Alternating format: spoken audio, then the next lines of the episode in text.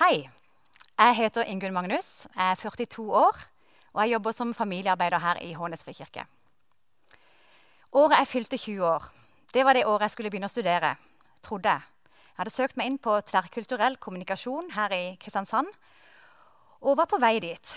Før det skulle jeg bare ha syv uker med sommerferie, hvor jeg skulle jobbe, reise litt med venner.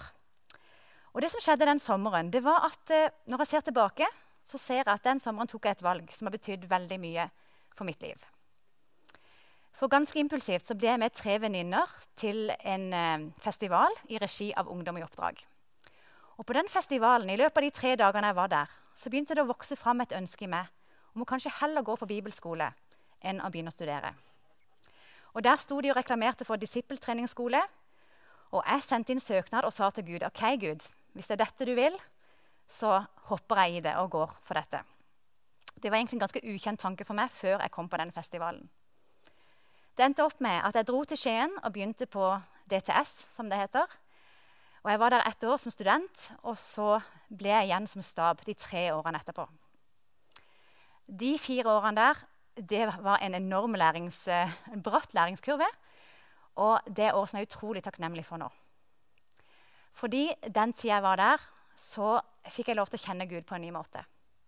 Og ikke minst så ble denne boka her, Bibelen, den gikk fra å være en bok jeg hadde lest en del i. Jeg kunne mange av fortellingene fordi min far var en god historieforteller. Han leste og lærte meg mye av det som sto i Bibelen. Men fra å, en, å kjenne en Gud som var litt fjern, som var kanskje litt småsint til tider, en jeg var litt redd for, så gikk han til å være en Gud som jeg fikk lov å kjenne personlig, og kjenne som min far. Og Det er jo også noe vi her i menigheten tror på. Vi tror at Bibelen, den boka, den er levende. Det er ikke en tørr fortelling, men det er ei levende bok som snakker til oss inn i vår hverdag.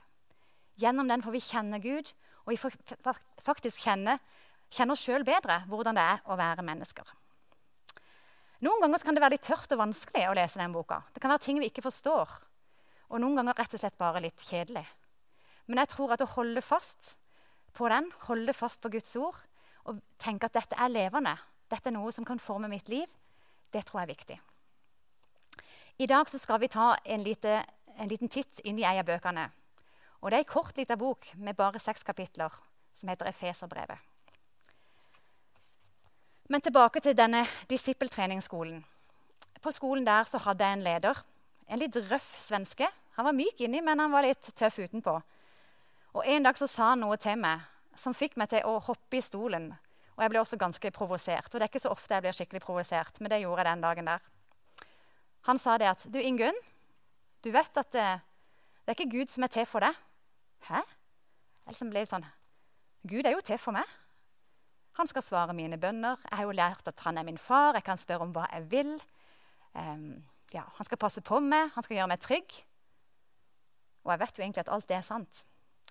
Men han prøvde også å provosere meg litt, for jeg tror han kanskje merka at det var en holdning i meg til Gud. At det, Gud var til for meg.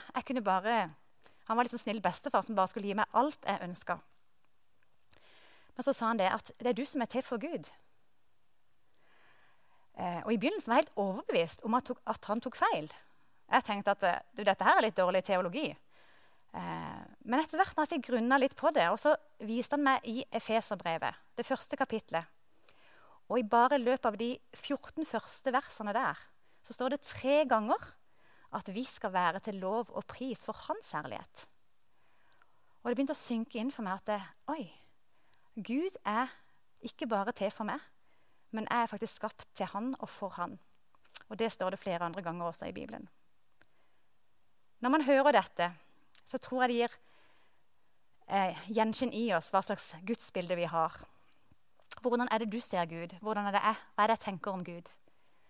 Hvis vi har et bilde av han, at han er lunefull, at han er hevngjerrig, at han er litt sint, så har vi kanskje ikke så veldig lyst til å leve til ære for han.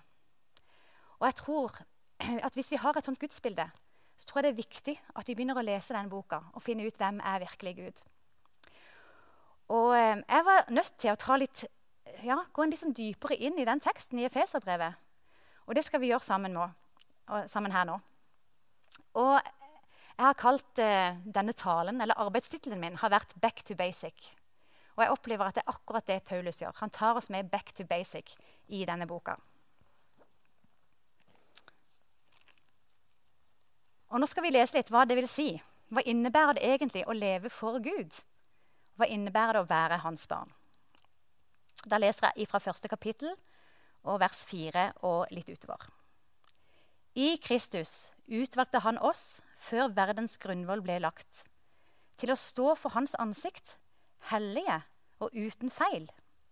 I kjærlighet og etter sin egen gode vilje avgjorde han på forhånd at vi skulle få rett til å være hans barn ved Jesus Kristus, til lov og pris for hans herlighet og nåde, som han overøste oss med i ham som han elsker så høyt. I ham har vi friheten, kjøpt med hans blod, tilgivelse for syndene. Så rik er Guds nåde. I ham er vi også arvinger, vi som på forhånd var bestemt til det etter Guds forsett. Han som gjennomfører alt etter sin egen plan og vilje. Slik skulle vi være til lov og pris for Hans herlighet. Det som skjer når du velger å ta imot Jesus, det er jo at du blir en del av Guds familie. Man blir liksom poda inn i Guds familie og får lov til å ha Han som vår far. Og vi som kaller oss kristne, vi får lov til å være søsken. Og når jeg leser dette her, så ser jeg jo at egentlig er en liten smørbrødliste. Hva innebærer det egentlig å være et Guds barn? Og Det første jeg finner, det er det at vi er utvalgt av Gud. Det står her at han tenkte på oss lenge før verden ble til. Så det at du og jeg, at vi fins, det er ingen tilfeldighet. Og så står det at han, at han, utvalgte oss til å stå foran hans ansikt. Og det å stå ansikt til ansikt med noen, det er, kan være en fin ting. Men det kan også være ganske ubehagelig. Særlig hvis du litt, ja, føler deg litt flau, eller kanskje man har noe uoppgjort. Da er det fort at man begynner å flakke litt med blikket. Men når jeg leste dette, så, så jeg for meg et brudepar. For jeg har vært i noen bryllup hvor du ser brud og brudgom som ser hverandre dypt inn i øynene, og som sier til hverandre, ikke bare med ordene sine, men også med hele blikket, at de er overgitt til hverandre. I Efeserbrevet bruker Paulus det samme bildet. At Gud han er som denne brudgommen, og vi er bruden. Og Han ønsker å være ansikt til ansikt med oss. Han ønsker ikke å være en fjern Gud, men han ønsker å være en som vi kan søke og søke hans ansikt. Det står videre at vi skulle stå hellige og feilfrie framfor Han. Og da begynner det å skure litt hos meg, for jeg vet jo at jeg er verken hellig eller feilfri. Men da må jeg ikke glemme det at bare noen setninger før der står det 'i Kristus'. I Kristus er vi heldige og feilfrie. Og det er det som er så godt med at når man tar imot Jesus, så er det som å kle på seg han. Jeg skulle tatt på meg jakke her og sagt at okay, når jeg tar imot Jesus, og når jeg blir Guds barn, så får jeg på en måte kle meg i Jesus. Jeg får ta han på meg. Og så når Gud ser på meg, så ser han Jesus. Og sånn kan jeg komme hellig og feilfri framfor Gud og tørre å våge å stå ansikt til ansikt med han. Så står det videre at vi har fått rett til å være Guds barn. Og det står at vi har friheten i Jesus og tilgivelse for syndene. Det er masse gode nyheter. Og jeg har erfart det at det, friheten vi får, den henger sammen med tilgivelse for synder. I vår tid er det litt sånn at eh, du kan egentlig gjøre akkurat som du vil. Eh, det er mange ting som er lov, og hvis du gjør noe dumt, så er det lett å unnskylde seg. Det tror jeg alle vi kan kjenne oss igjen i. At det er lett å komme med en unnskyldning at eh, ja, ja, alle gjør jo sånn, eller at det er da ikke så farlig. Eller hvis ikke noen oppdager det, så er det ikke så farlig. Men Gud kaller oss til noe mye mer. Han ønsker at vi skal leve i lyset med livet vårt. Være ærlige med de tingene som også er feil, som vi gjør galt.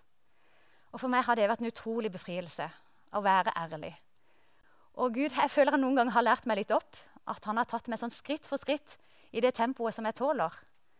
Eh, og utfordrer meg på å ta oppgjør med ting som eh, jeg har enten løyet eller gjort noe mot noen. Og tørre å komme og si unnskyld eh, og være ja, oppriktig med den man er. I det ligger det en enorm frihet. Så står det videre at Gud er rik på nåde og visdom, og den får vi tilgang på og vi er arvinger til Guds rike. Dette er veldig gode nyheter. Jeg vet ikke om du som hører på, som kaller deg en kristen, har tenkt at dette er gaven du får når du tar imot Jesus. Og så var det dette her da, med å leve, at vi er skapt til å leve for Han. For Hans herlighet og for Hans nåde. For hans, eh, ja, leve til lov og pris for Hans herlighet. Det er det som står. Eh, men det står her at slik ville Gud ha det for at vi skulle leve til Hans herlighet. Gjennom at vi tar imot dette her og ikke holder igjen, så lever vi til ære for Han. Da blir det synlig. Da blir Guds nåde og Guds herlighet synlig for verden når vi tar imot den eh, som Han er for oss. Og For meg så tenker jeg at det innebærer min, at min identitet forandres. Det betyr at jeg tilhører Han. Han har utvalgt meg, han har villet meg. Og det igjen gir meg mening. Det gir mening til livet mitt. Eh, han har overøst meg med kjærlighet og er en arving til hans rike. Jeg kunne ha stoppa talen der, men det vil jeg ikke gjøre. Fordi at I vår tradisjon, i en luthersk tradisjon så har vi litt lett for å tenke at det er troen alene. Eh, det er ikke noe vi kan gjøre fra eller til for å fortjene denne kjærligheten og fortjene denne nåden. Og det er helt sant. Men når vi leser videre i dette brevet, så forteller Paulus oss hva innebærer det å leve som et Guds barn. Det betyr først og fremst at vi er skapt med en hensikt. Og Nå skal vi lese litt videre. For i Efeserne 2, 10, så står det For vi er Hans verk, skapt i Kristus Jesus til gode gjerninger, som Gud på forhånd har lagt ferdige for at vi skulle vandre i dem. Vi er rett og slett ikke bare skapt til å kose oss over at vi får være Guds barn.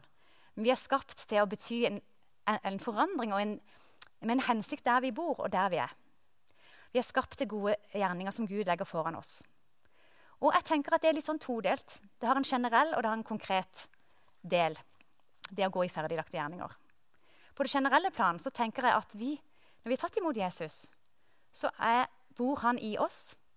Og der vi går, så vil vi være et bilde av Jesus der vi går.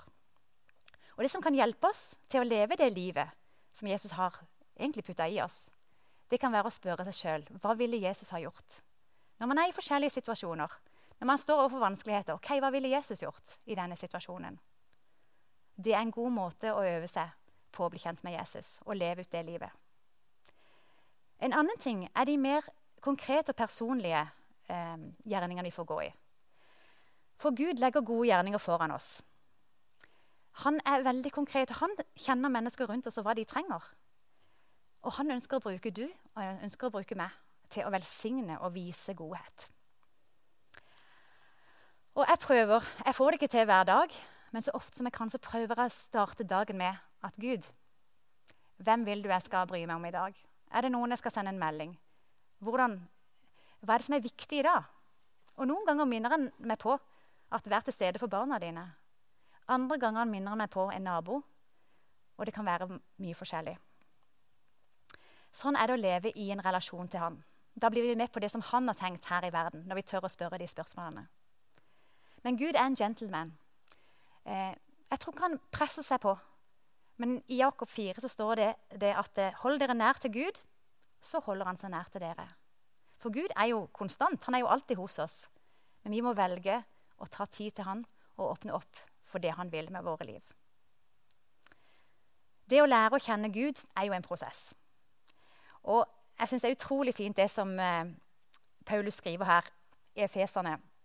Litt før, da, i kapittel 1 og vers 17, så står det det. Jeg ber om at Gud må gi dere en ånd som gir visdom og åpenbaring, så dere lærer Gud å kjenne. Det er en livslang vandring og lære å bli kjent med Gud. Og så sier han videre.: Må Han gi dere lys til hjertets øyne, så dere får innsikt i det håp Han har kalt dere til. Det å forstå dette mysteriet som som det er faktisk, at Jesus kom, og det han gjorde. Da trenger vi å be Gud om å gi hjertet vårt lys, så vi ser og forstår. Eh, og det kan Den hellige ånd hjelpe oss med.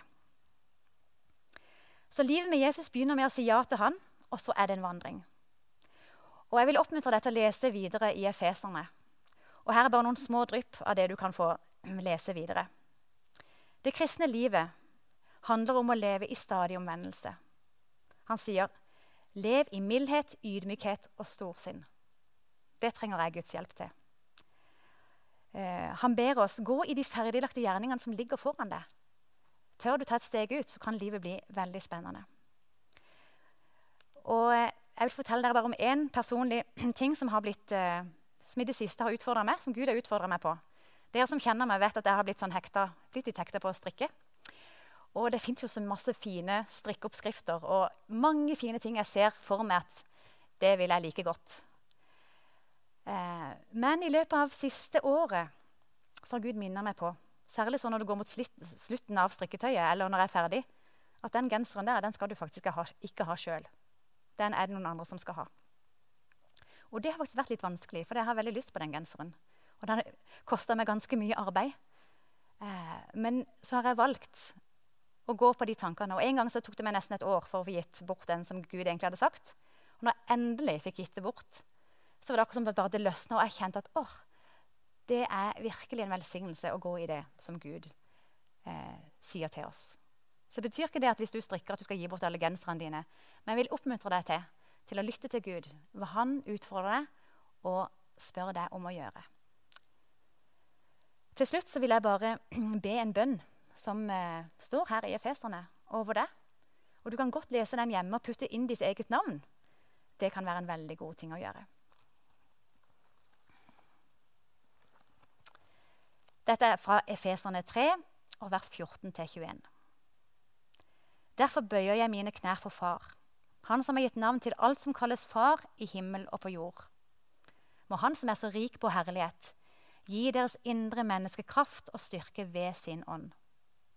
Må Kristus bo ved troen i deres hjerter, og dere står rotfestet og grunnfestet i kjærlighet. Må dere sammen med alle de hellige bli i stand til å fatte bredden og lengden, høyden og dybden, ja, kjenne Kristi kjærlighet, som overgår all kunnskap. Må dere bli fylt av hele Guds fylde. Han som virker i oss med sin kraft og kan gjøre uendelig mye mer enn det vi ber om og forstår. I ham være ære i Kirken og i Kristus Jesus gjennom alle slekter og evigheter. Amen.